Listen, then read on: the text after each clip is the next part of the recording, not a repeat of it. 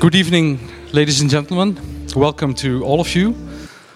My name is Paul Bakker. I'm the director of Radboud Reflects, and it's my pleasure to welcome you here at this Radboud Reflects lecture by Richard Sennett. Now, most of you probably know quite a lot about Richard Sennett. You know that he is a leading sociologist. He works at the London School of Economics. He has written quite a few books on sociology, and I think most of you will know the first two parts of his trilogy, The Craftsman and Together. What you perhaps do not know, which I learned today when we drove from Rotterdam to Nijmegen, what you perhaps do not know is that his the third part of his trilogy is now in print and is going to be published within a few weeks, months, I think months from now, and which will be translated to Dutch uh, next year um, under the title Building and Dwelling. And perhaps Richard will tell you why the title is not Open Cities but Building and Dwelling. Uh, at some time during this evening. What I didn't know either, and which I also learned during this short trip from Rotterdam to Nijmegen, is that he has been very active as an advisor for the United Nations and the UNESCO. So he's very actively engaged in real society and real societal problems. So we have a very important academic and also engaged um, speaker tonight. Richard, welcome to Nijmegen. I'm very glad you made the trip, and I would like to give the floor to you. Thank you very much.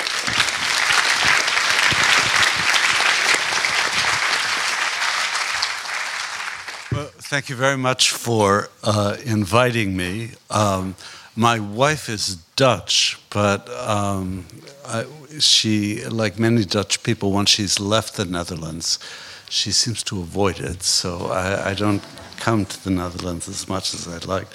I can tell you why this lecture, which is called The Open City, is not the title of my book. The Open City is trademarked by a travel agency. And it would mean if I used the title in my book that um, I'd have to pay them a little royalty each, each time you bought a copy, and I, I hope you do. It's terrible capitalism. It's awful. Uh, I, I thought what I would do is, um, since I've just finished the book, that I would uh, uh, give you an overview of some parts of it and show you some of the uh, visually some of the work that it's based on. And I'd love to get uh, your responses uh, from it. Uh, and uh, maybe I'll start by talking about not open cities, but closed systems.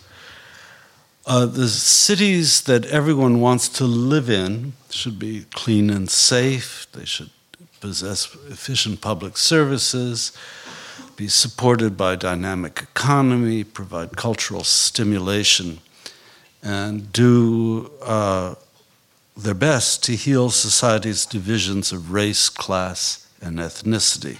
And these are not the cities we live in. Cities fail on all these accounts due to government policy, irreparable social ills, and economic forces beyond uh, local control. The city is not its own master.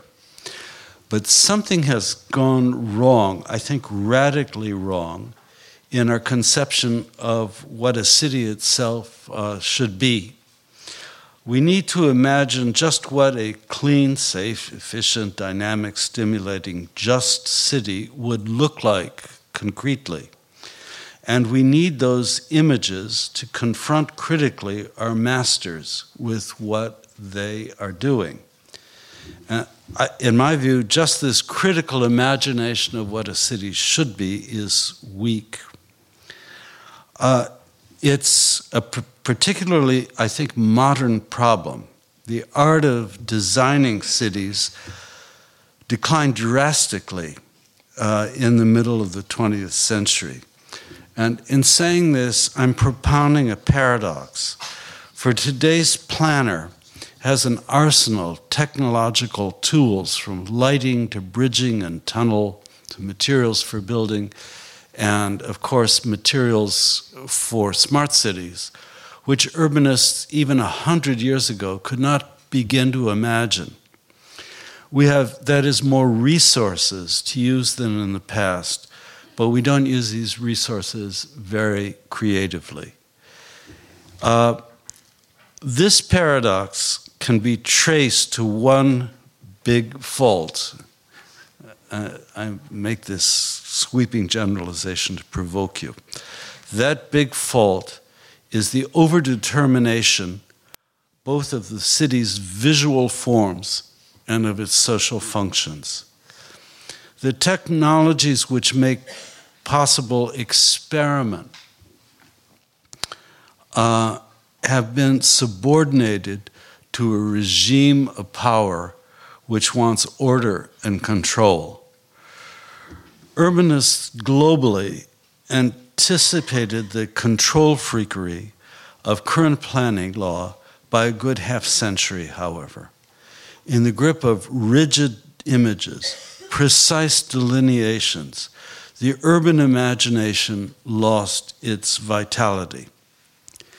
In particular, what's missing in modern urbanism is a sense of the ruptures and rupturing power of time. Time not looking backward nostalgically, but forward looking, open time. The city understood as a process, its imagery changing through use, and urban imaginary, uh, imaginary formed by anticipation which is friendly to disorder and surprise. Now, I'm going to show you, I'm terrible on this, so you just have to bear with me. Hello. There we are. I'm going to show you uh, a kind of, in my bailiwick, an example of a closed urban form that has an immense power over the imagination of urbanists in uh, the 20th century. This is uh, Le Corbusier's Plan Voisin uh, in the mid 1920s for Paris. And what the architect conceived of is replacing a large swath of the historic center of Paris with these uniform X shaped buildings. Uh, public uh, life on the ground plane of the street would be eliminated. The use of all buildings would be coordinated by a single master plan. Today, you could do it by a control center using certain kinds of smart technology. And not only is Corbusier's architecture, kind of industrial manufacture of buildings, is tried in the Plan Voisin to destroy just those social elements of the city which produce change in time by eliminating the unregulated life on the ground plane uh, on the ground plane the place where people live and work here is in isolation farther up here's what let me see if i can do this I keep doing this. There we go. Uh, here's what he wanted to do. He wanted to erase this section of Paris with all of its capillaries, uh, its, its forms of, of, of, of diversity in the street, with something which regularized and annulled social interaction. Here's one of the buildings he wanted. Uh, no, I, have eliminated that for you. This dystopia became uh, resident uh, reality in various ways. The plan's building type shaped public housing in, from Chicago to Moscow. Uh, this is one in Chicago. It's uh, very resonant to me because I grew up in one of these buildings, uh, um, which came to uh, buildings, housing estates, which came to resemble warehouses for the poor. Corbusier's intended destruction of vibrant street life was also realized in suburban growth for the middle classes, with the replacement of high streets by monofunctional shopping malls and, of course, by gated communities, but also by schools and hospitals built as isolated campuses. The proliferation of zoning regulations in the 20th century, it's unprecedented in the history of urban design. I mean, the, what we take for granted is something that people designing cities a century ago would thought, what is this? Why are there so many rules? And the reason there are so many rules is that bu- bureaucratization of building is a way of suppressing uh, social activity. This pr- proliferation of rules and bureaucratic r- regulations has disabled local innovation and growth, frozen the city in time. Now, I, I, I just want to explain this too. This is a very resonant uh, image to me from my work in, in, uh, with the UN because we were involved in uh, trying to combat this kind of building. They look very different, don't they? The skins of them. In fact, these buildings all have exactly the same internal structure. In fact, they're carbon copies of one another. They're all the same with different skins on the outside. Isn't that amazing? You can make you can make what looks like a variegated urban environment simply by putting on, as a word, lipstick on the same face. And for us, uh, we're, this is true all over the world, that this kind of building, which gives this simulacra of difference and diversity in the environment, is underlined by a reality of highly standardized building forms, which are very uh, rigid. Um, and this, uh, you, you could see this anywhere in the Middle East, and now you, be, you can see it in China as well. This is an applique, so that what the eye is seeing is not what the engineer or the urbanist knows is actually going on. This is a kind of homogenized standardization of the built environment. Um, the result of overdetermination is what could be called the brittle city. Brittle is unbreakable. Modern urban environments decay much more quickly than urban fabric inherited from the past. As uses change, buildings are now destroyed rather than adapted. Indeed, the overspecification of form and function makes the urban environment peculiarly susceptible to decay. The average lifespan of new public housing in Britain today is now 40 years. The average lifespan of new skyscrapers in New York is 35 years. That is, these are not, these are enormously uh, energy and ecologi- uh, energy uh, using and ecologically in, uh, inefficient structures. And when they've outlived their, their this short lifetime, they come down. So this is a huge environment which is constantly destroying itself. I wanted to show you one example of that in Masdar, in smart city thing. The analog to this in a smart city, what the tight fit between form and function does. This is a Masdar is a, a model smart city in the Middle East, in, in, uh, in the UAR.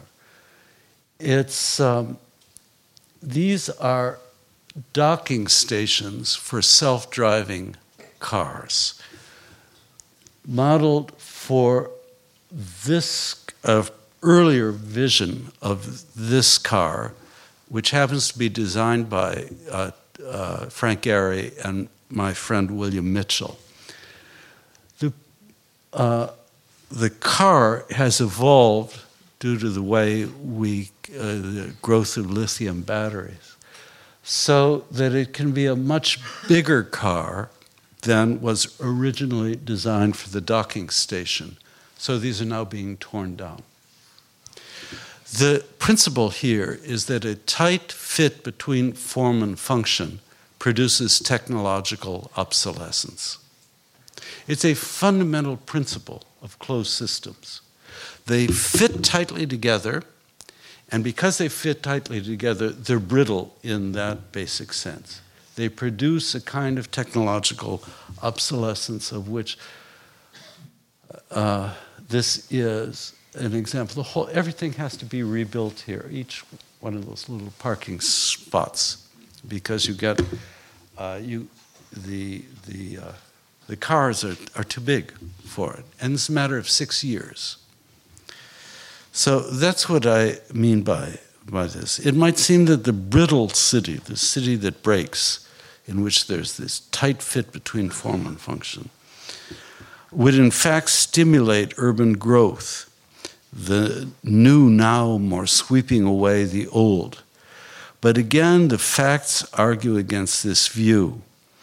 In the United States, people flee decaying suburbs rather than reinvest in them.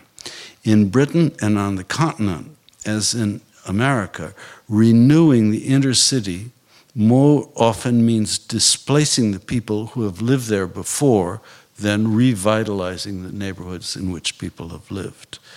Growth in an urban environment is a more complicated phenomenon than simple replacement of what existed before. Growth requires a kind of dialogue between past and present. It's a matter of evolution rather than erasure. And this kind of growth can't evolve. Now, this principle is true as true sociologically or socially as it is architecturally. The bonds of community cannot be conjured up in an instant with the stroke of the planner's pen. They require time to develop. Today's ways of building cities, segregating functions, homogenizing populations, preempting through zoning and regulation the meaning of place, fail to provide communities the time in space needed for growth. The brittle city is a symptom. It represents a view of society itself as a closed system. The closed system is a concept which dogged state uh, socialism throughout the 20th century as much as it shaped bureaucratic capitalism. This view of society has two essential attributes equilibrium and integration. The closed system ruled by equilibrium derives from a pre Keynesian idea about how markets work.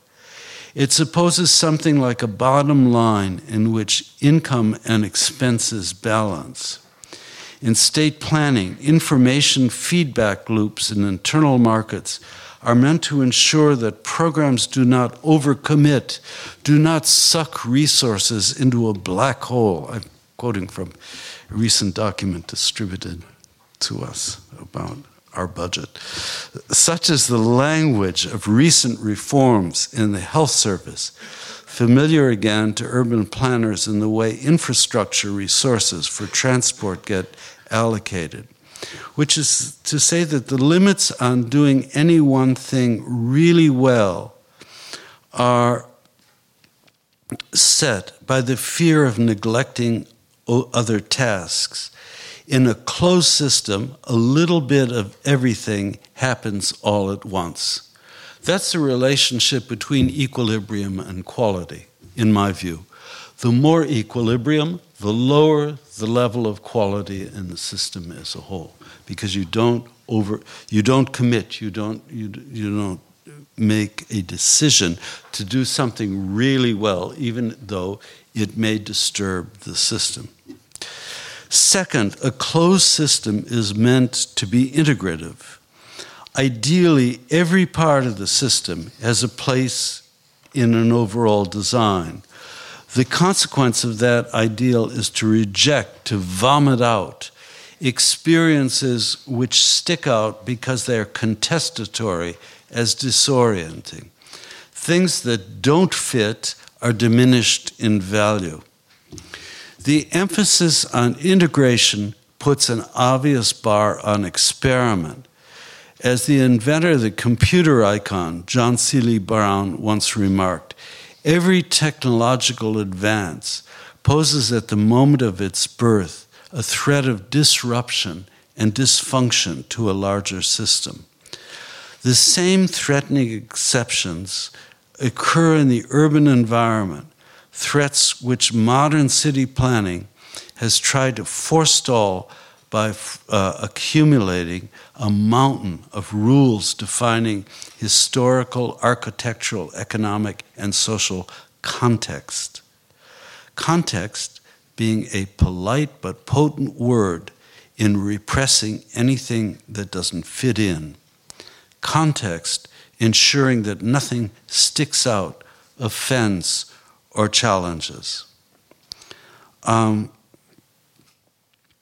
as I say, the sins of equilibrium, by the way, I'll show you, just go back to this Corbusier. If I can get back there. I don't know what I'm pointing at to get you back here, but let's assume it goes back. Hello. There we are.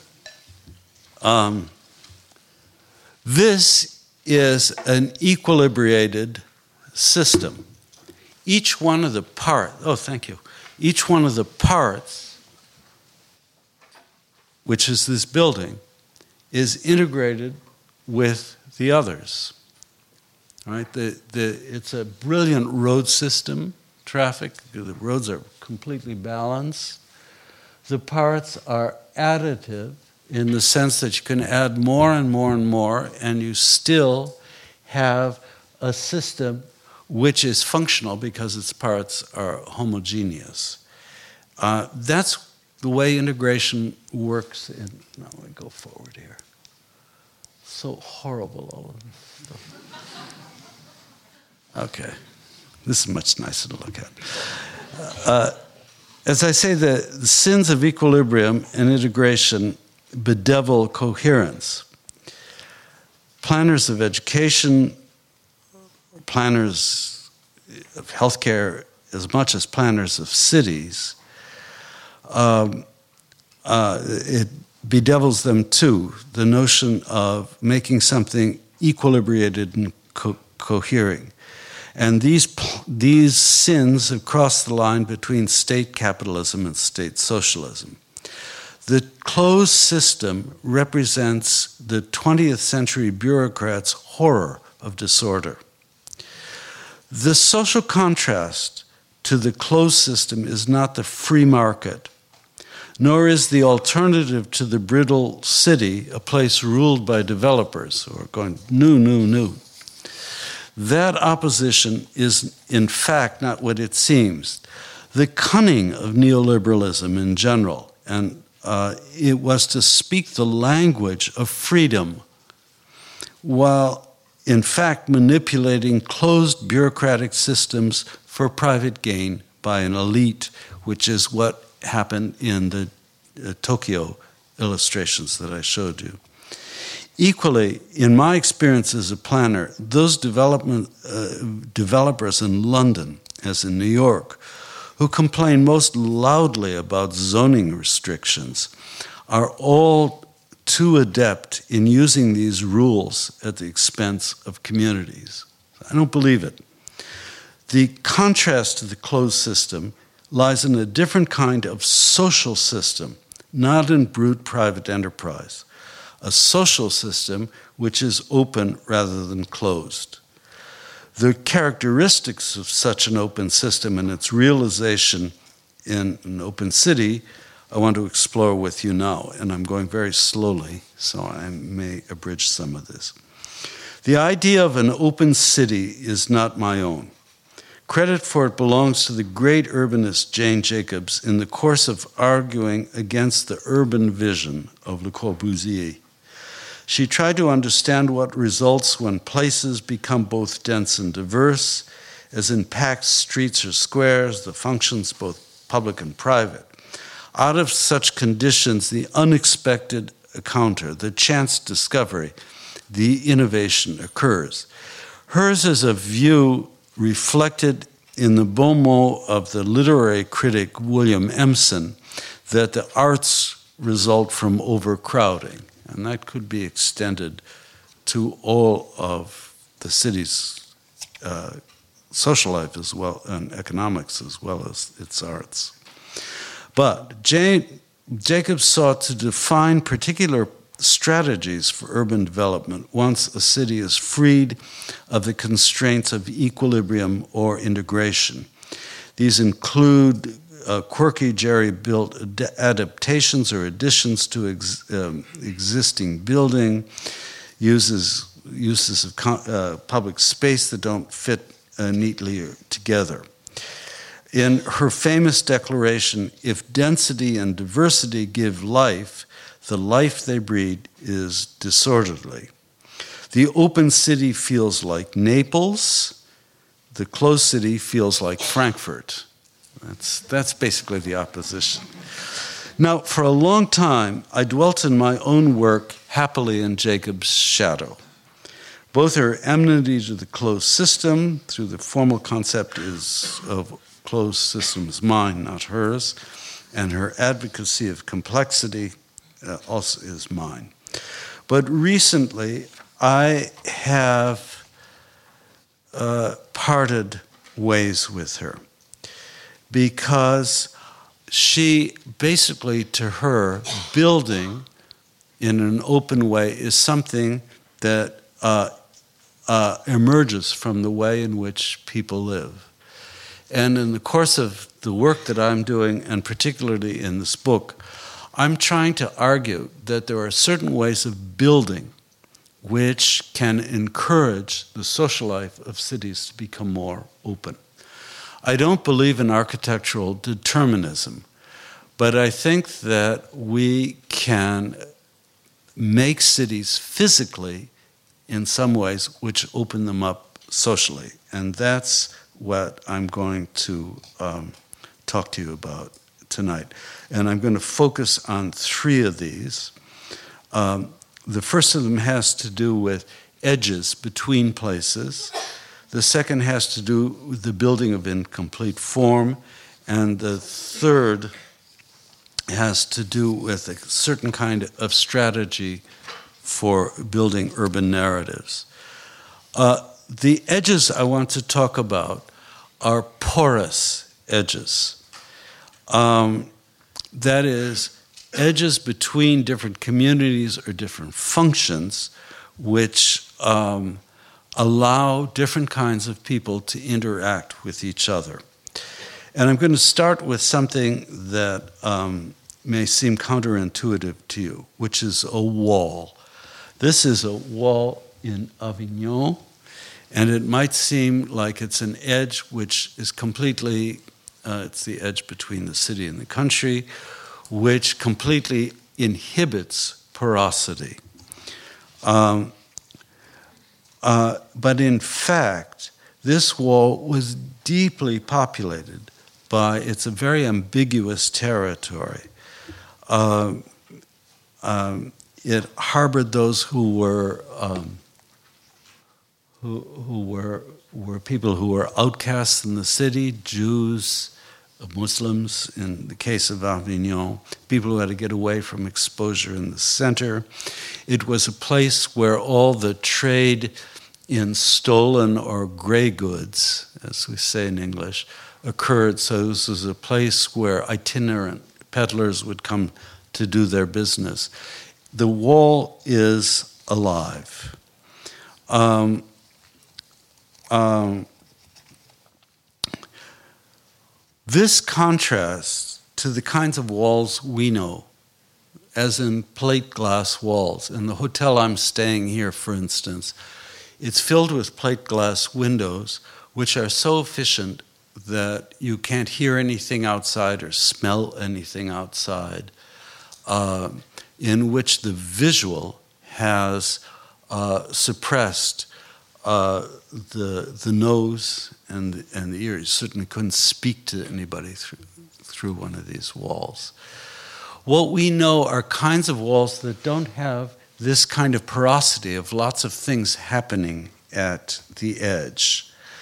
Uh, nothing develops at either side of the, of tr- the kinds of transparent walls uh, we, we, we know. You have, both, you have dead space on both sides of the wall.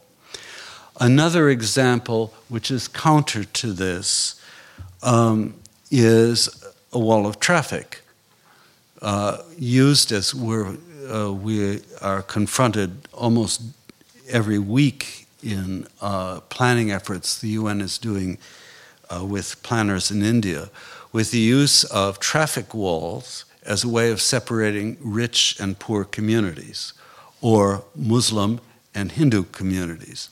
The way to keep it safe is to run a highway between the two of them. That's another kind of wall which looks different than this, in which the edge itself is absolutely inhabited. Now, I'd like to just uh, step back for a second and say what, what, what does this mean between a wall as open and closed? It's a distinction we find in nature, at, and we'll talk about this later, at border work between what could be uh, at the edges of things, between what could be called borders and boundaries. Ecologists like Stephen Gould draw our attention to an important distinction in the natural world that between borders and boundaries. The boundary is an edge where things end, the border is an, um, uh, an edge where different groups interact. In natural ecologies, borders are the places where organisms become more interactive due to the meeting of different species of physical conditions. For instance, when the shoreline of a lake or sea meets solid land, as here, this is sort of like a medieval wall. Um, got my images out of. I'm, i have to retake this. It's, it's, it's out of focus. Anyhow, what you can see is that this edge between land and sea is the most intense area of biological interaction between species, much more than even 100 meters in, into the water or uh, inland. This is, and the same thing is true of temperature layers within a, within a body of water, where layers meet to find the zones of the most intense biological activity. Not surprisingly, it is also at the borderline where the work of natural selection is the most intense. Whereas a boundary is a guarded territory, and I'm going to show you one, my favorite, as established, for instance, by prides of lions or packs of wolves. This is how I waste my time of the students at the London School of Economics. This is an ecological boundary I had them draw of tigers. Now, you know that a tiger establishes a boundary by peeing or shitting, and it's a warning to other tigers to stay out. It's, uh, we, as I say, have wasted their time by having them gather this data. Uh, and you can see what, what happens here.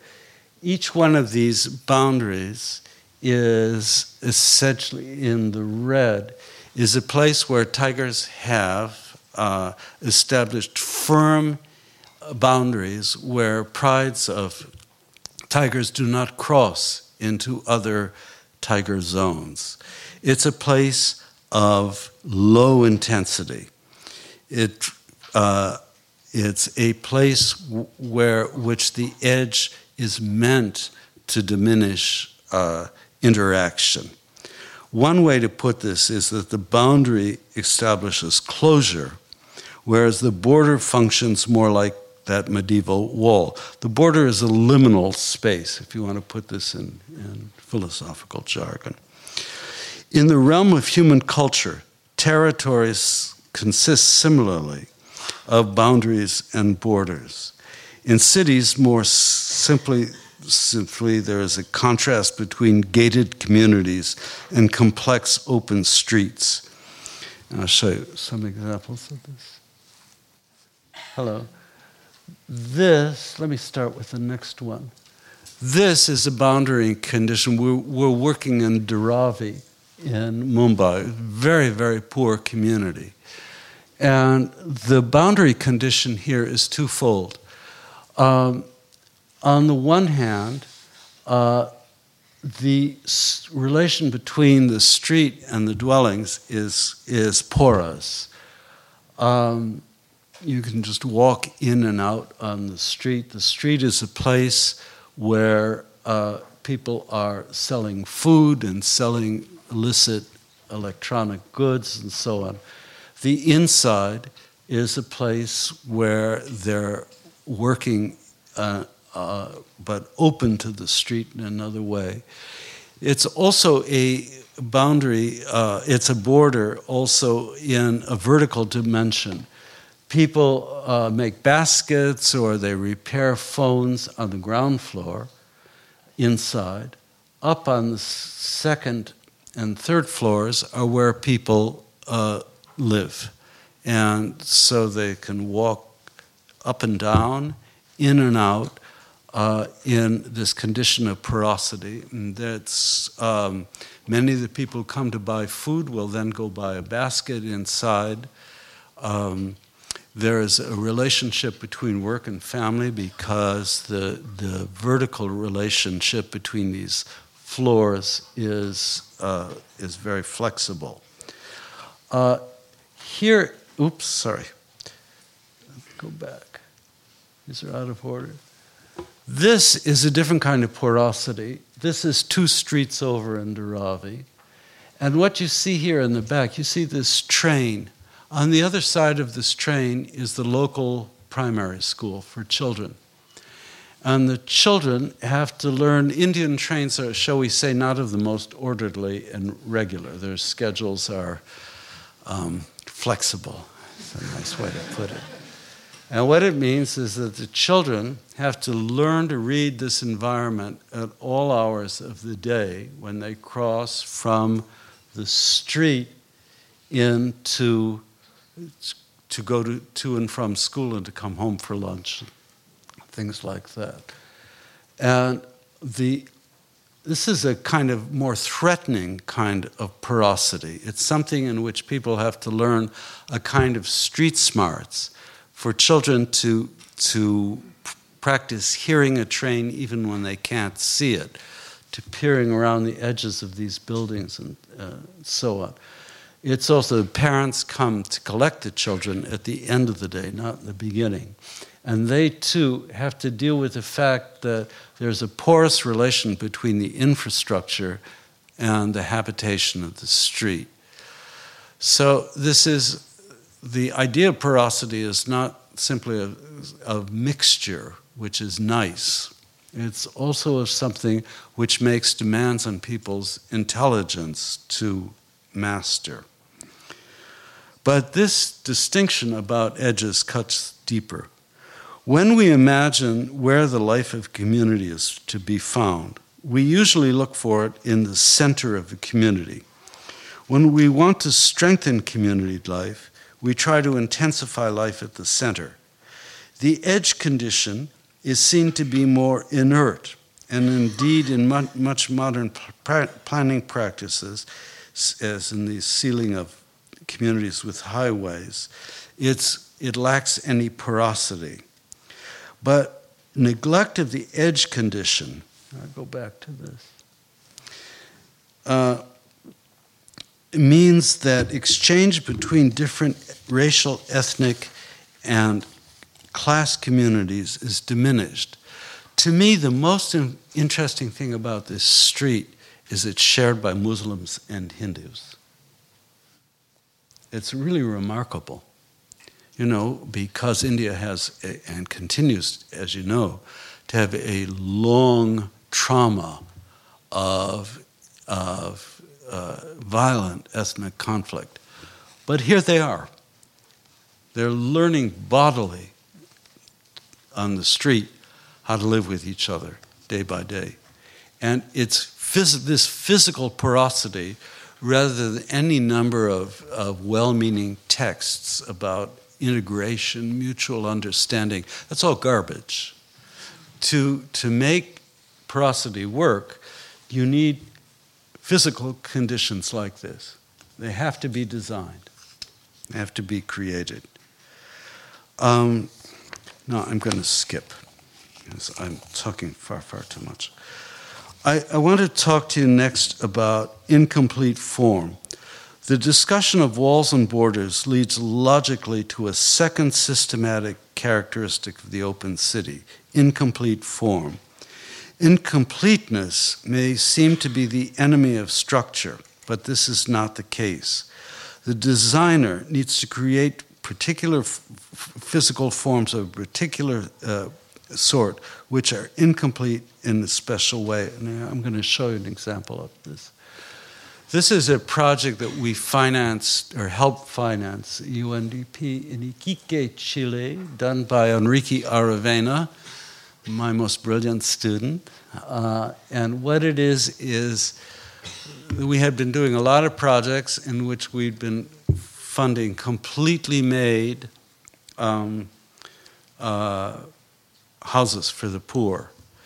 And Aravena said, no, let's not do that. Let's make houses of better quality and let people themselves fill them in, build them up as, as they wish. It's an incomplete form by design. I'll tell you exactly how it works. The entrance is on the first floor rather than the ground plane. Uh, the genius of this architecturally is that the services are not located in party walls. That means that you don't have to remake the infrastructure when you add or fill in to a structure like this. And by sweat labor, a family can make something out of these shells and take ownership of them. Here's a little before and after of how that works. There's nothing very pretty about any of this. Uh, in the after here, the family rents out the ground plane to um, um, uh, to a little business or a set of businesses. They all go broke, uh, and it's filled in by its own sweat equity. Uh, uh, the rest of the structure, and from originally inhabiting two rooms, this family of eight inhabits four, which may seem to you horrible, but given the conditions they were in, it's a, a, a revel, revelation. Um, so, this is what in um, complete form is about. It's not something that this is stuff we're doing now, but it, it's all over the history of urbanism. In classical Rome, for instance, Hadrian's Pantheon coexisted with the less distinguished buildings which surround it in the urban fabric, though Hadrian's architects conceived of the Pantheon as a self referential object. We find the same coexistence in many other architectural monuments, in which the space around the building is not predetermined and develops in very plastic ways. Uh, Hadrian's Pantheon, since I assume most of you have uh, visited it, uh, used to be surrounded by the red light district of Rome. And then, when it became a, a Christian Actually, it expanded when it became a Christian church. I won't go into that since this is a Catholic university. But, and then that whole district changed again. It became a commercial center, then a residential center. Now it's very mixed. So a monumental building is not necessarily a fixed object, it, its context can be in, incomplete. Incomplete form is, also, is most of all a kind of creative credo. In the plastic arts, it's conveyed in sculpture, which is perfect purposely left unfinished. In poetry, it is conveyed in, to use Wallace Stevens' phrase, the engineering of the fragment. The architect Peter Eisenman sought to evoke something of the same credo by the term light architecture, meaning an architecture that, uh, which is planned so that it can be added to, or more importantly, revised internally as the, in the course of time the needs of habitation change. Uh, this credo opposes the simple idea of replacement of form which characterizes the brittle city, but it's a demanding opposition. It is, as a plan, inefficient. It privileges what can't be uh, uh, foreseen in advance. There is not a tight fit between form and function. And to create structures like this is very difficult economically. You can imagine people want to have a shopkeeper mentality. They want to know what they're buying. Perfectly reasonable. But knowing too much what they're buying can mean that the form itself decays. Whereas in these kinds of forms, uh, and this was the challenge for us investing in this. We didn't know that things might work out this way. And many of these plans, many of these buildings fail because people themselves are poor builders. It's a risk, you know. The incompleteness is a form of risk taking. Um, I want to talk thirdly uh, about, and I'll go very quickly here, about narratives of development. Uh, and by that, it means focusing on the stages in which a particular project unfolds. Uh, oh, I, I, can't forbear but to show you this. This is another kind of incomplete form, and I did this when I was a planning commissioner in New York. This is a highway under the west side in Harlem. I didn't realize I'd put this in. And it's an, it looks like it's absolutely rigid in complete form. It's at the edge of Harlem between Columbia University and West Harlem, very de- decayed area.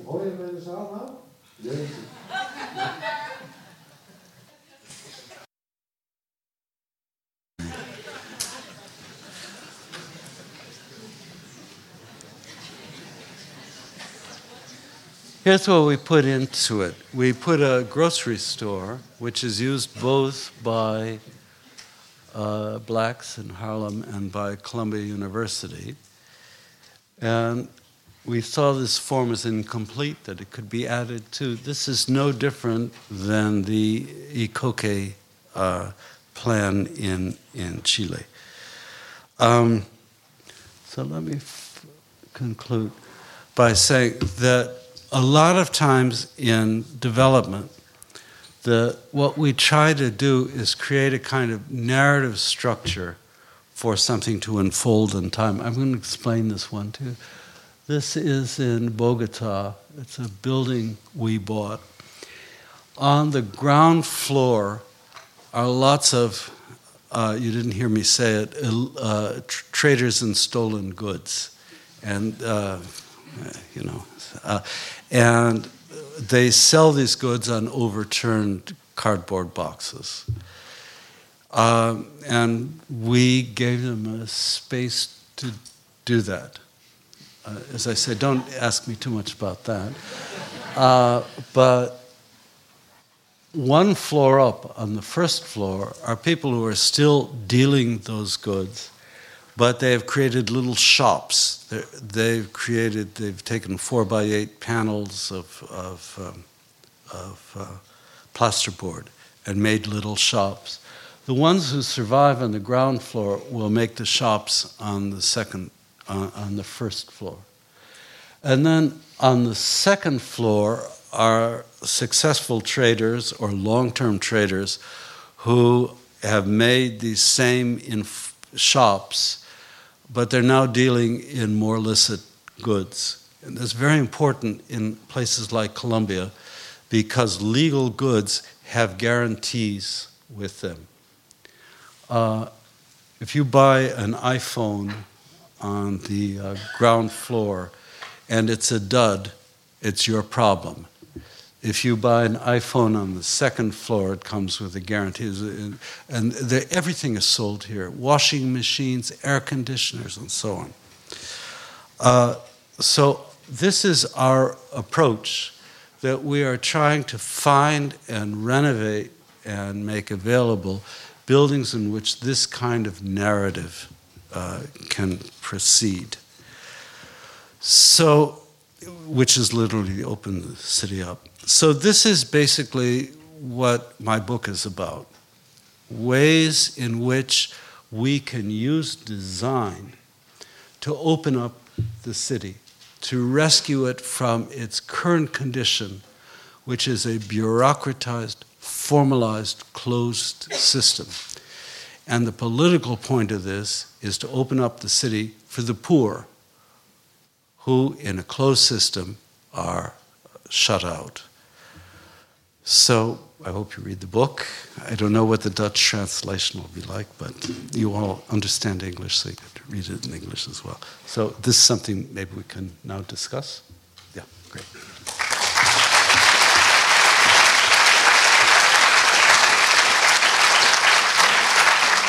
No, I take this seat. Yeah. so much. Thank you so much, uh, Richard, for this uh, for this very interesting overview of your book. I completely forgot to announce the person who is going to discuss with you, namely uh, Henk van Houtum. Henk van Houtum is a geographer at uh, Radboud University, and he also teaches at the University of Eastern Finland, and he specializes in border studies. So I think he will have a lot of questions and interesting comments to make on your talk. Great. So Henk, please.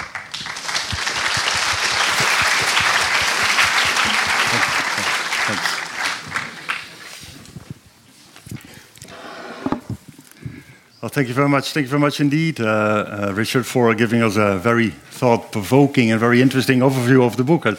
It's, when is it going to be out? Uh, exactly. Um, well, it's out in uh, February. In February. Yeah. yeah. Okay, that's something to look uh, forward to.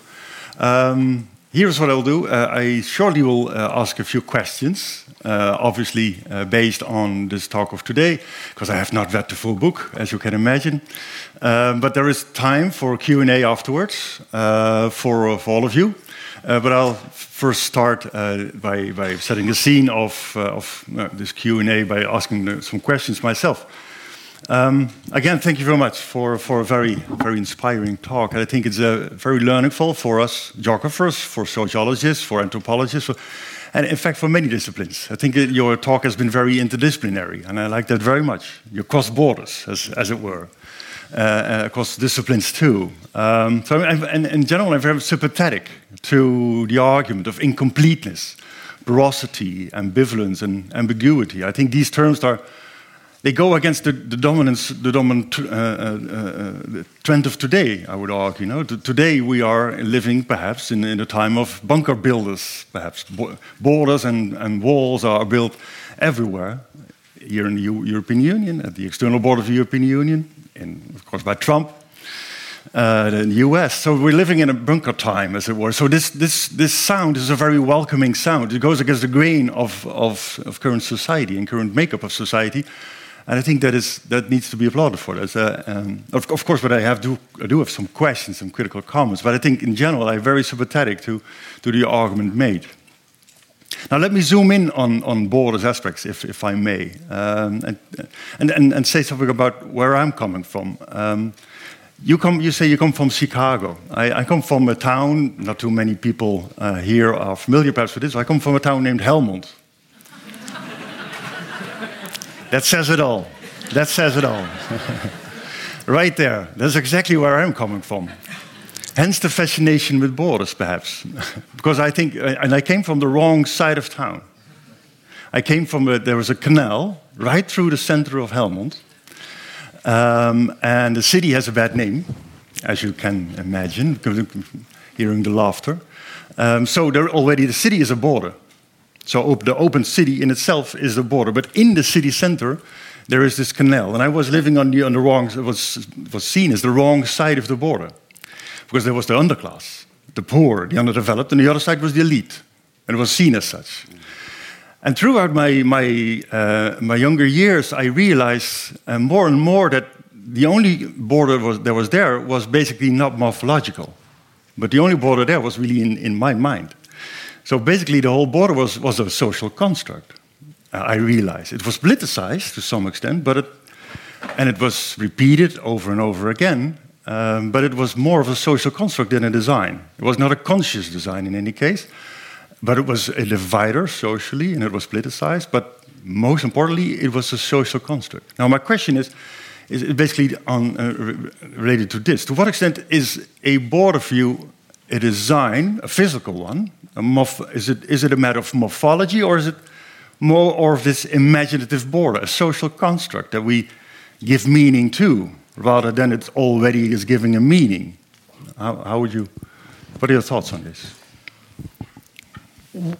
Well, I, I appreciate very much uh, what you say. Um, there is a way in which we create sort of mental borders where they needn't be there. But I think what's happening in cities today is that uh, the physical separation of people is becoming something that is more and more uh, it has more and more uh, economic impact about uh, getting ri- rid of mixity and political impact about people wanting to withdraw from those who are different and so on. I, I would say that the physical really matters in, in this. I also think, I, I talk about it, but I, I also think about this boundary condition as something that's a real challenge in the work world itself, in which the disaggregation, physical disaggregation of places where people work through outsourcing, connections via the umbilical cord of email, which eliminates all kind of informal exchange or face-to-face relations, as in a firm like Uber where the bosses are absolutely introuvable. How do you say it in English? Un, un, unfindable un, until they self destructed. That those are also kinds of boundaries. And that what we're seeing in the, it's a phenomenon of political economy as well as it is of geography. Um, and the, what to me seems important is that we get more face to face confrontation, that we need to be face to face in order to do the work of confronting power as well as the work of socially of, of mixing with people un, unlike ourselves. I don't look at these as two different kinds of activities. So, so, so would you say that it's um, where do we tra- should train our eyes on and, and, focus our attention on? Is, is, this, is this segregation as such, morphological segregation, physical segregation, or is it political exclusion? So political measures and political uh, uh conditions that create exclusions. Well, the word exclusion is a very funny one because if you're an Uber driver monitored by the second uh, by somebody 3,000 miles away, you're not excluded in one sense. You're deeply connected to them. If exclusion means isolation, certainly in capitalist economies, that's not happening.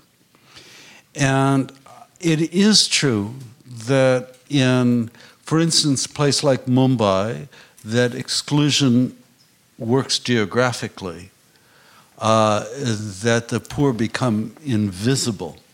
To that's the whole point of a lot of that development, and in that sense, uh, that's that's exclusion is is good term, but uh, that's what I mean by a closed system is integrative. It's integrative in its form and function are absolutely tied together. And what we're seeing in a lot of the world of political economy, world of development, is not that there are lots of fragments and you know everybody starting a, a startup, uh, you know millions of euros generated by uh, happy happy startup firms all over the world. What we're more seeing is an integration of a system which is disaggregated and and uh, in a physical sense, but highly integrated in terms of control functions. That's why I think it's so important to think about equilibrium and integration as essential elements in a closed system. I, I, agree highly there, but at the same time, uh, you mentioned the word politics only scarcely in this talk, in any case. Um, and you focus a lot on design. Um, so you give a lot of power, a lot of political power to design. Uh, to, I think, uh, and I think that is that is something, of course, that is that is very attractive for architects and planners, and and it, it is important. It's not unimportant, but at the same time, where's the role of politics here? How important is power that is, that is possible to create or recreate some of the distinctions or divisions that we see in a city? Well, it depends on what you mean by power. I mean, I think there is power relations are built into the physical structure of places. Mm-hmm. Um, and, and, so, what role do mayors play, for instance? What role do councils play? What role do, does uh, the government or the cabinet, for the currently formed in Lens, play? Uh, how how important are these, or, or are the designers the new? They should be more important yeah. than they are. You didn't mention developers. Yeah. Those are the those are the to me the significant players. I mean, who are the people who are act, actually? I mean, if we had more councils involved in actually shaping a city physically, I'd be very happy. Uh-huh. Uh, but I mean, I, I think that the issue here is that we've slighted the actual power that is built. Le Corbusier, which I showed you, is a system of power. Mm-hmm. It, it, doesn't matter who's the mayor of Paris. Mm-hmm. If you've built that, you've built a certain structure of power into, into the way the city is run. But it's a bit paradoxical, isn't it, if I may? Because it, you give a lot of power to designers, developers, planners, whereas uh, the, the, the, the, examples that you gave is of, of bad planning, bad developing, bad design. So why do, should we trust them now, the, the designers and planners? I wouldn't do that. You wouldn't do it. no, but in, in, uh, in, in, general, I think it's interesting because it, uh, I, I uh, in preparation of this, this talk, uh, of, of today, uh, the interview of here, here today, I, I, watched some from earlier lectures of yours, and I think uh, in one of those you said, well, I think power should be given to designers uh, because we give it, have to give it back to people, uh, people-driven, organically uh, built cities. Um, but in the same lecture, he said, but I won't give it to Trump. I will not give it to Trump. Although he's the, he's the man in control and he says we have to give it back to the people, I won't give it to Trump. So apparently, you are able, as a designer or planner, or in any case, uh, as someone who's an advisor in this role, are able to make a distinction between good and bad planning, but, al but also between good and bad people. Uh, so you, you're building for the people, but apparently some people are better than others, or not. That's the way life is. Yeah. Yes, that's true. what, what I would say about this as a structural thing, well, we have tried to experiment with, and I couldn't talk about this. We're very interested in co production. And co production is something where you get, uh, in a community, you get community residents, community groups who co make design with people who have an expertise and um, the idea is to break down the notion, which is typical, and this is um, maybe less true here than it is in, in uh, out of Europe. But typically, what happens in what's called pl- the planning process is that somebody will make a design and then it's presented for public consultation as a kind of after the fact thing the community goes crazy. This is terrible, blah, blah. Uh, and the planner says, Thank you. This I'll take it all under advisement. It's been so wonderful having this discussion, and then the design is built. just as originally designed. And that's uh, in Latin America, for instance, it's almost uh, you could make an opera mm-hmm. out of it. Mm-hmm. You know, uh, Act Two is is outrage, and Act Three is the return. You know, so what we have been trying to do, and what I try to lay out in the book, are ways in which communities and urbanists, urbanites and urbanists, can actually produce things together. And there are technical ways of doing that. The most important part of that process, however, is that at a certain point, once the uh, variety of designs are generated, that the expert exits and that the decisions about what to do among alternatives for like a local school or local libraries, which I, which I describe in the book, are left to the community. Uh, on the one hand, you it's unfair to people to say you've never been to an architecture planning school, but go ahead and design something. You know, that's just unfair. They don't have the skills, you know. As an ikigai, things fail and so on. There has to be collaboration. But at a certain point, people like me have to exit and disappear, and the responsibility for what gets made has to lie with the community.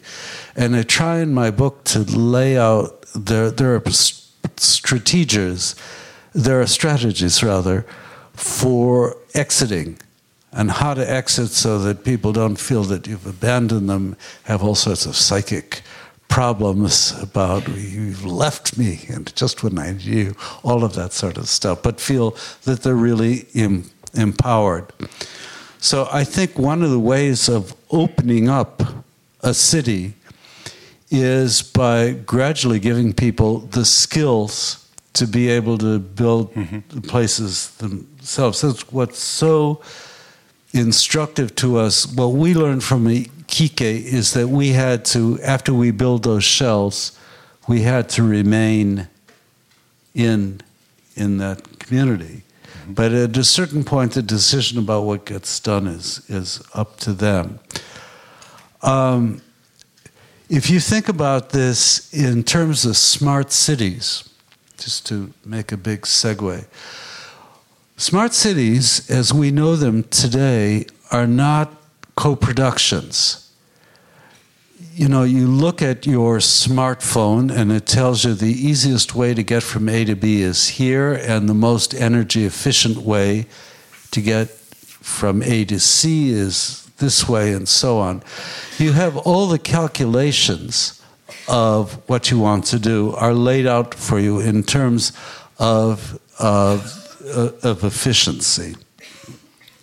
And our idea about using big data and high tech is that we use it in the way in which communities like Curitiba in, in Brazil or Lyon in France use them, which is to funnel information about the whole city down to community groups, which in the case of Curitiba do uh, cooperative budgeting for mm-hmm. what, what they'll use funds for and so on. That's smart in a way that doesn't make IBM any money. And again, I mean, it's we're at a juncture with this.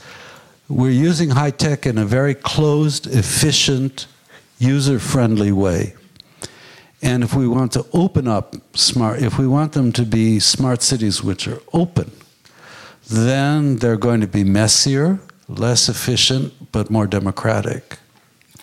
And how do you uh, avoid that then uh, that a city uh, has will become again a bordered city in your terms? Because are you not? It could could very well be, although you empower them, although you, you focus on collaboration uh, and cooperation. How do you uh, make sure that the desire that people have, is is create is focused on openness? Because it, it, it, it is, I would argue, also a desire for people to have borders to have borders as a refuge, as a resource, maybe sure. to play football against or to hide behind, to and be anonymous in a city.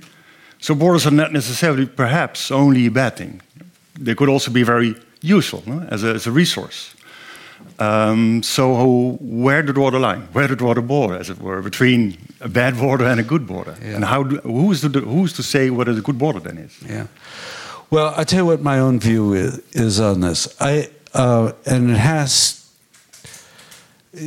I may see, seem to be coming out of a different place, but I, I hope this is a response to what you're saying.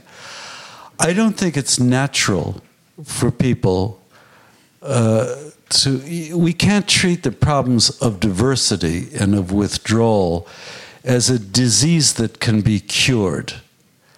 There's a lot of uh, a lot of sort of good-hearted speak, what I think of as social dem- democratic speak about the notion of, and particularly prevalent in the UN, about you know people coming to understand each other and living peaceably together, as though once you've done it, it can it can hold. In my view. Uh, uh, the refusal of others, what you're talking about, the withdrawal, is like a chronic illness.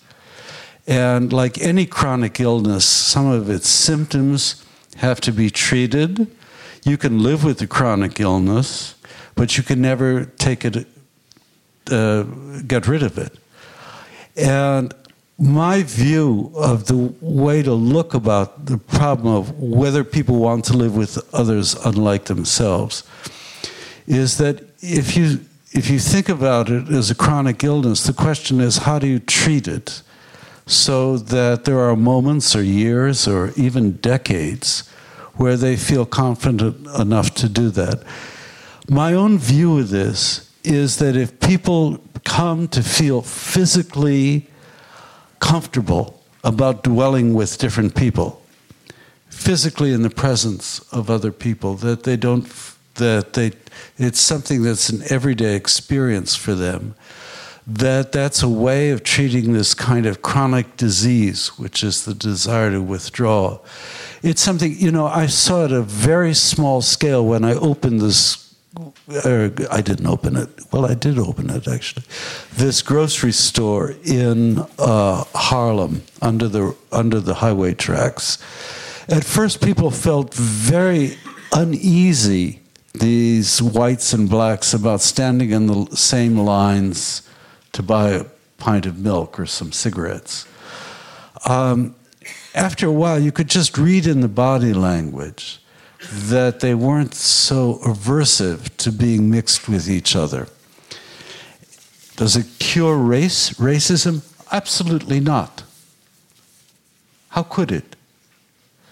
but it's something in which at least physical commingling it gives people the confidence to say i can be with this other person even though i may not be having a united nations kind of exchange with them about the need for brotherhood and, and so on so that's the kind of i mean i think you know if you take the position that people who are different don't want to live together, what you're saying is, yes, die of this of this illness. Go ahead, you're fated to die from it. It's the way people used to think about cancer. Once you got it, you couldn't do anything about it. You know, just as we have a different notion about what it is to live with a chronic illness or with AIDS, another good example of the SIDA. Um, I think we should think about this social social problem. But it's yeah. a quite a fierce statement in this day and age, no? To to to to say that uh, the desire that people have these days. Um, I'm with you there in terms of extreme nationalism. That is that this is uh, can be compared with a disease. The withdrawal in, in, in a little box to say no, I'm going to fence myself off from the rest of the world, uh, and I no longer want any barbaric freedom. I just want closure. This is, this is the, the tendency of today, no? In the European Union, the US. I'm not too sure if this can all be uh, categorized as, as, a disease, no? I think that's too, too, if I may say so, I think that's too monodimensional. There are a lot of people in the European Union uh, who don't want to live with strangers, and then there are a lot of people who are perfectly able to do that. So how, how, the how same to find this person nice can move from one position to another. in Poland, I've been very struck by the fact you couldn't generalize about what Poles feel about outsiders. And in some of the villages, well, they're small towns that we've been working in, the same people will harbor at the same time both they're dreadful, all these people from Iraq, and once they get to know a particular Iraqi, it goes away. It's neither one thing nor the other. And I think uh, I feel this way about about we know this with people who voted for Trump. They voted for him, and a month after they voted for him, they hate him.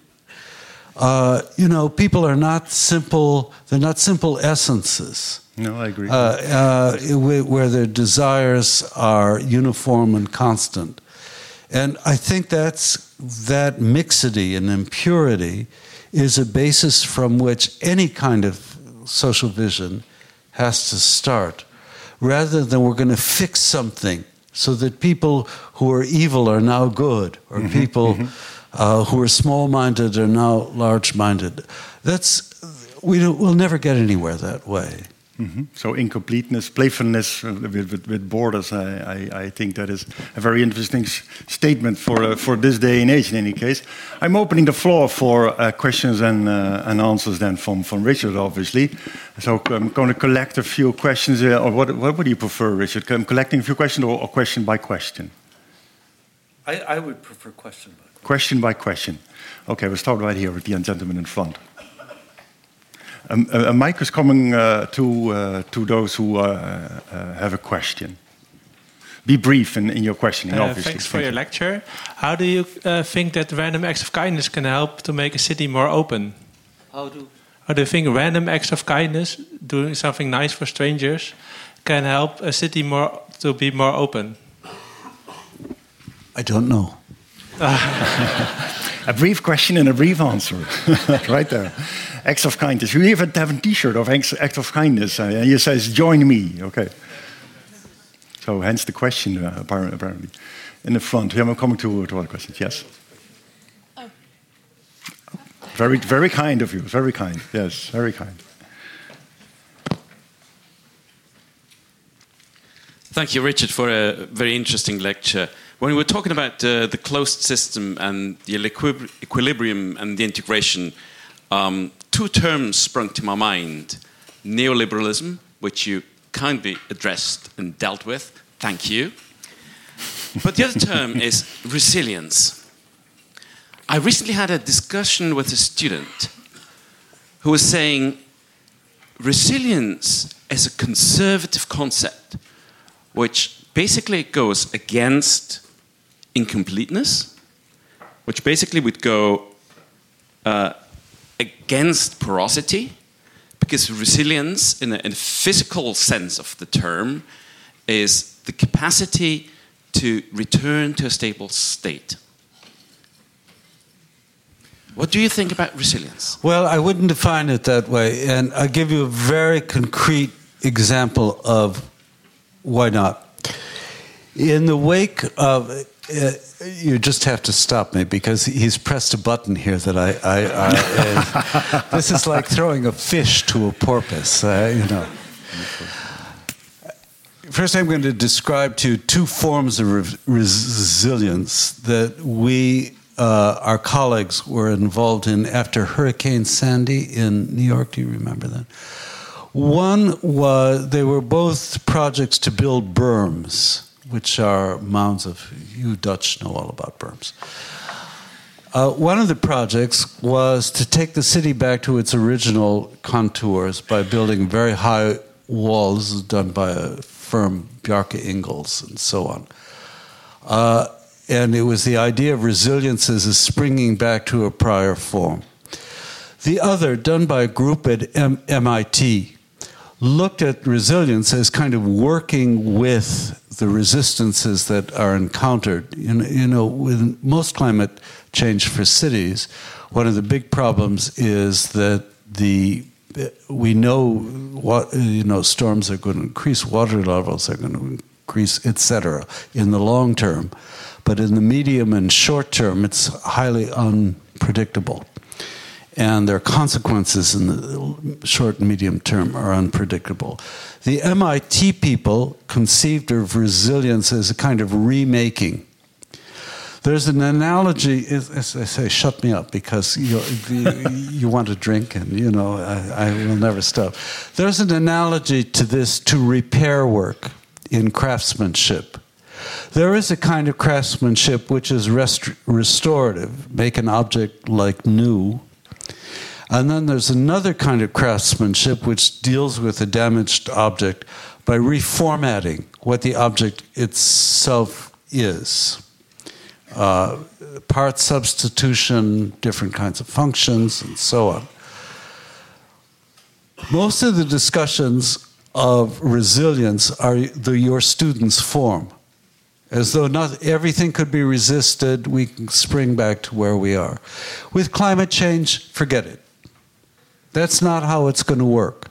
The kind of resilience we are going to need is much more adaptive rather than mitigating. It's much more reformative. For cities, the edges of cities like Mumbai are going to have to change radically. You opened the box. You did open you, the box. You really opened the box. I'm very sorry. I'll stop at this.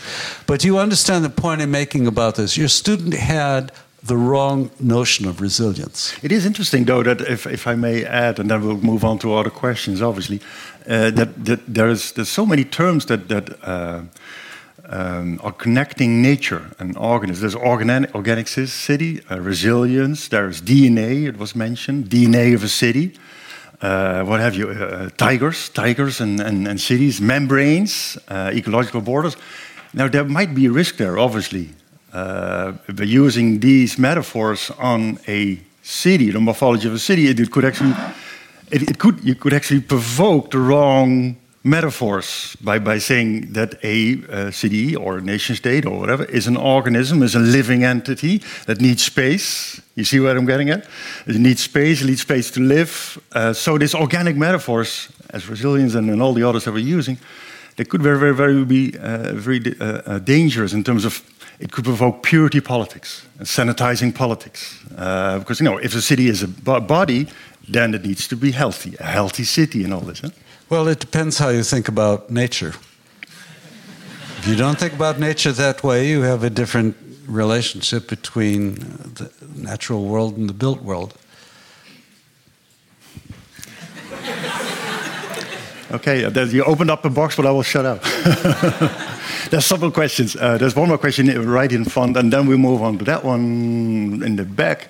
Uh, sorry for having you walk that much. And then in the front, the gentleman over there, yes. Thank you, Mr. Sennett, for your wonderful lecture and your wonderful books. Um, I, uh, I'm working in Deurne, not far from Helmond, where people tend to spend 20 years, uh, between the 20 and 40, building their own house. And I have the impression that that makes them uh, very much smarter than they would be when they wouldn't. Your craftsmanship concept comes into that, I think. Um, how can government play a role in stimulating things like that rather than putting people in boxes, uh, pre-constructed boxes? Mm -hmm. Well, a lot of it has to do, as with the experiments you read about in my book, with actually moving money down to a level where people, can, communities, and individuals can get access to it. In, in other words, moving uh, and that has to do with the whole issue of what's called seed planning, where rather than making a master plan, you give to, say, 40 communities access to money which individuals can then access to do their own building. Uh, it's up to the mayors yeah, yeah. It isn't a bottom up versus top down. That's too simple but it's that you take money from the top and you make it available to people in the bottom. We're running uh, a, uh, a, a, a, uh, project in Egypt which tries to do that, and because of issues about financial probity, the money we're funneling comes from something very centralized, from the center, comes from the World Bank, but it bypasses the nation state and goes down to the local community. So it's very top down and bottom up at the same time. But I think there are ways to do that. The notion is getting people the access to the resources they need. Mm-hmm. No, I would say trickling up, but uh, anyhow. All right. Thank you very much. There's a question right there in the back. Yes, please. Oh, you already have the microphone. Excellent. Hi. Okay. Where are you? Where can, are you? Right I can't see you. Yeah. Oh, can you hear me well? Okay. Yeah, I hear you well. Great. Uh, my name is Raquel. I was born and raised in Brasilia, which is the capital of Brazil. Yeah. And it's a city completed, planned, and shaped. It has, in somehow, I would say, oh. and it has less than 80 years.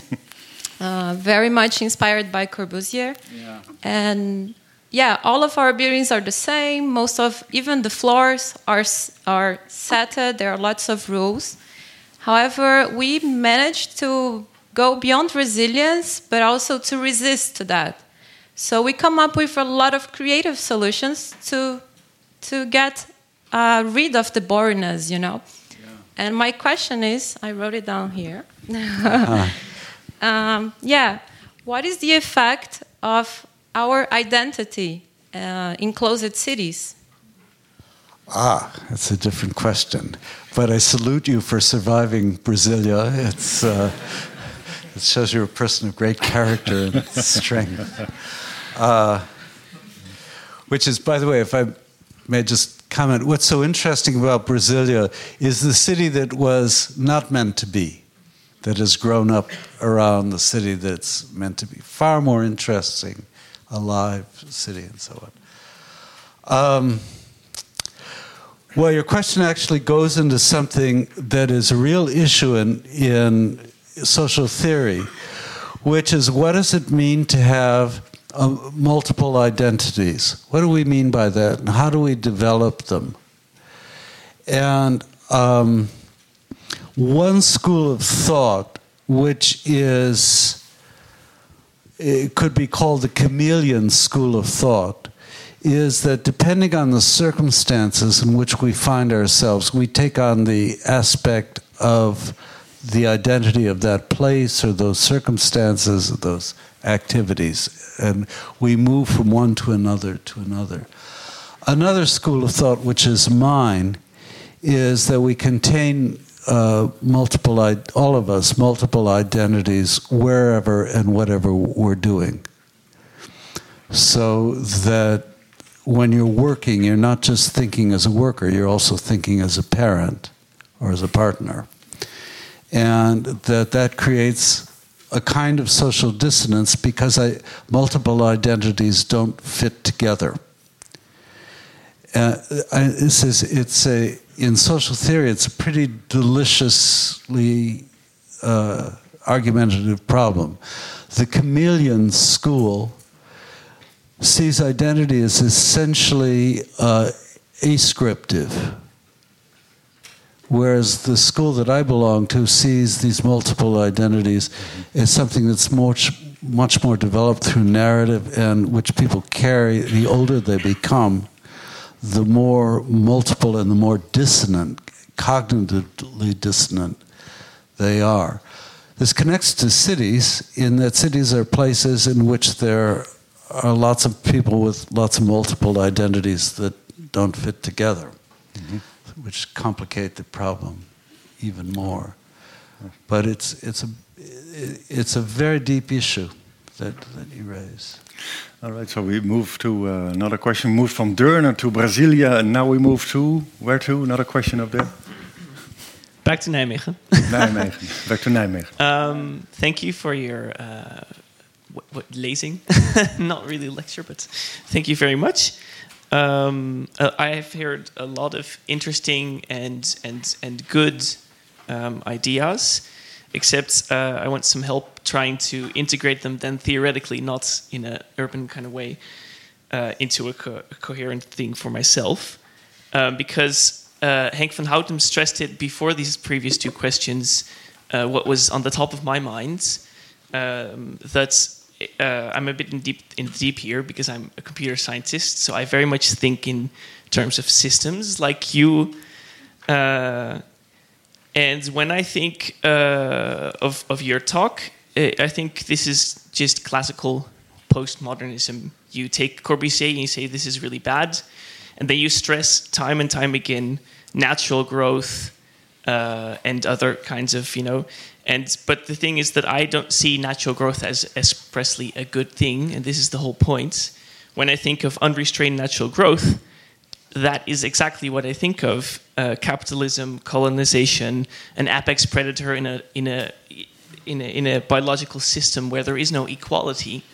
So, mm-hmm. to me, this natural growth is really something that needs to be broken up into a couple of very uh, need, really needs to theoretically be broken up into pieces one good one bad the one that we want the one that we don't and the most recent one i've heard of uh, that has given me uh, insights into this problem is Habermas because he talks about the life world discourse which is natural to us versus rational instrumental discourse which lives on it. And then he says that is your two that's your distinction between the two natural systems that you have, the one that is good and natural to humankind, and the one that is actually the portrayal of all the systems that are bad. This seems to be and now you've given us three good ideas and, and, to think your, on. Your, edges. Well your question uh, My question is right now. Yeah. Edges, incomplete form, and urban narrative. The former two of which are these inspired on biology. The latter of the three is the one I think is most interesting. And does it even relate to this distinction that you might give? And or can you shed light on this? Urban narrative, that is. okay. Well, there's a lot in your question. Um, uh, maybe the, maybe this will help. I mean, uh, the Habermasian discourse is basically a Kantian discourse. And um, it's one I admire, and, but um, I, don't, I don't share. But it's basically a discourse about categories of, of understanding which uh, uh, come to be more and more. The more the interaction there is, the more similar, simil, uh, the more communicative clarity there is. And if you're asking me as a social theorist about this, I think the more interaction there is, uh, the more uh, um, difference can appear. Uh, to me, it's in, in another book of mine, I talked about the distinction between identification and empathy. And the Habermasian view is basically a view of identification, that the more you interact with somebody, the more you can identify what they're saying.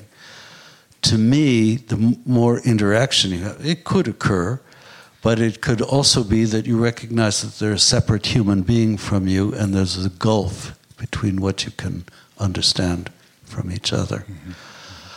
About the nature thing, I, I, you know, if you write the word nature as though it stands for one thing, I think you would make an error. There are lots of different natural processes. Nature is not coherent. Uh, and it's a question of which natural processes you're interested in. Uh, um, that's also a Kantian problem. That is, a Kantian problem is how to resolve nature into something that can be written with a capital N. Mm-hmm. And uh, I'm not a Kantian.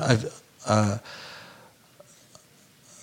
but I, I, I think the problem with, for you, is a problem of how to integrate what you know in terms of uh, systems work with the notion that there's something ordinative over the whole that will allow it to be integrated.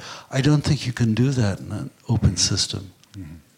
It's not it's not a Kantian system, an open system. Kant is closed in a wonderful way, but it's a closed system. Mm-hmm. Anyhow, this is for a long discussion, but you asked me a deep question. I want to give you an answer to it. If we will gladly come to a close, ladies and gentlemen. Um, one more, one more last, uh, very brief answer to a very big problem we face in the Netherlands. We have to form a cabinet, and and the big issue here is openness. Uh, we can't deal with openness. We can't deal with migration. Uh, very brief advice for those who in charge of uh, forming a cabinet on your on openness. I have a British passport. Yeah. So you are at this moment asking the wrong person. That's an excellent answer. Thank you very much.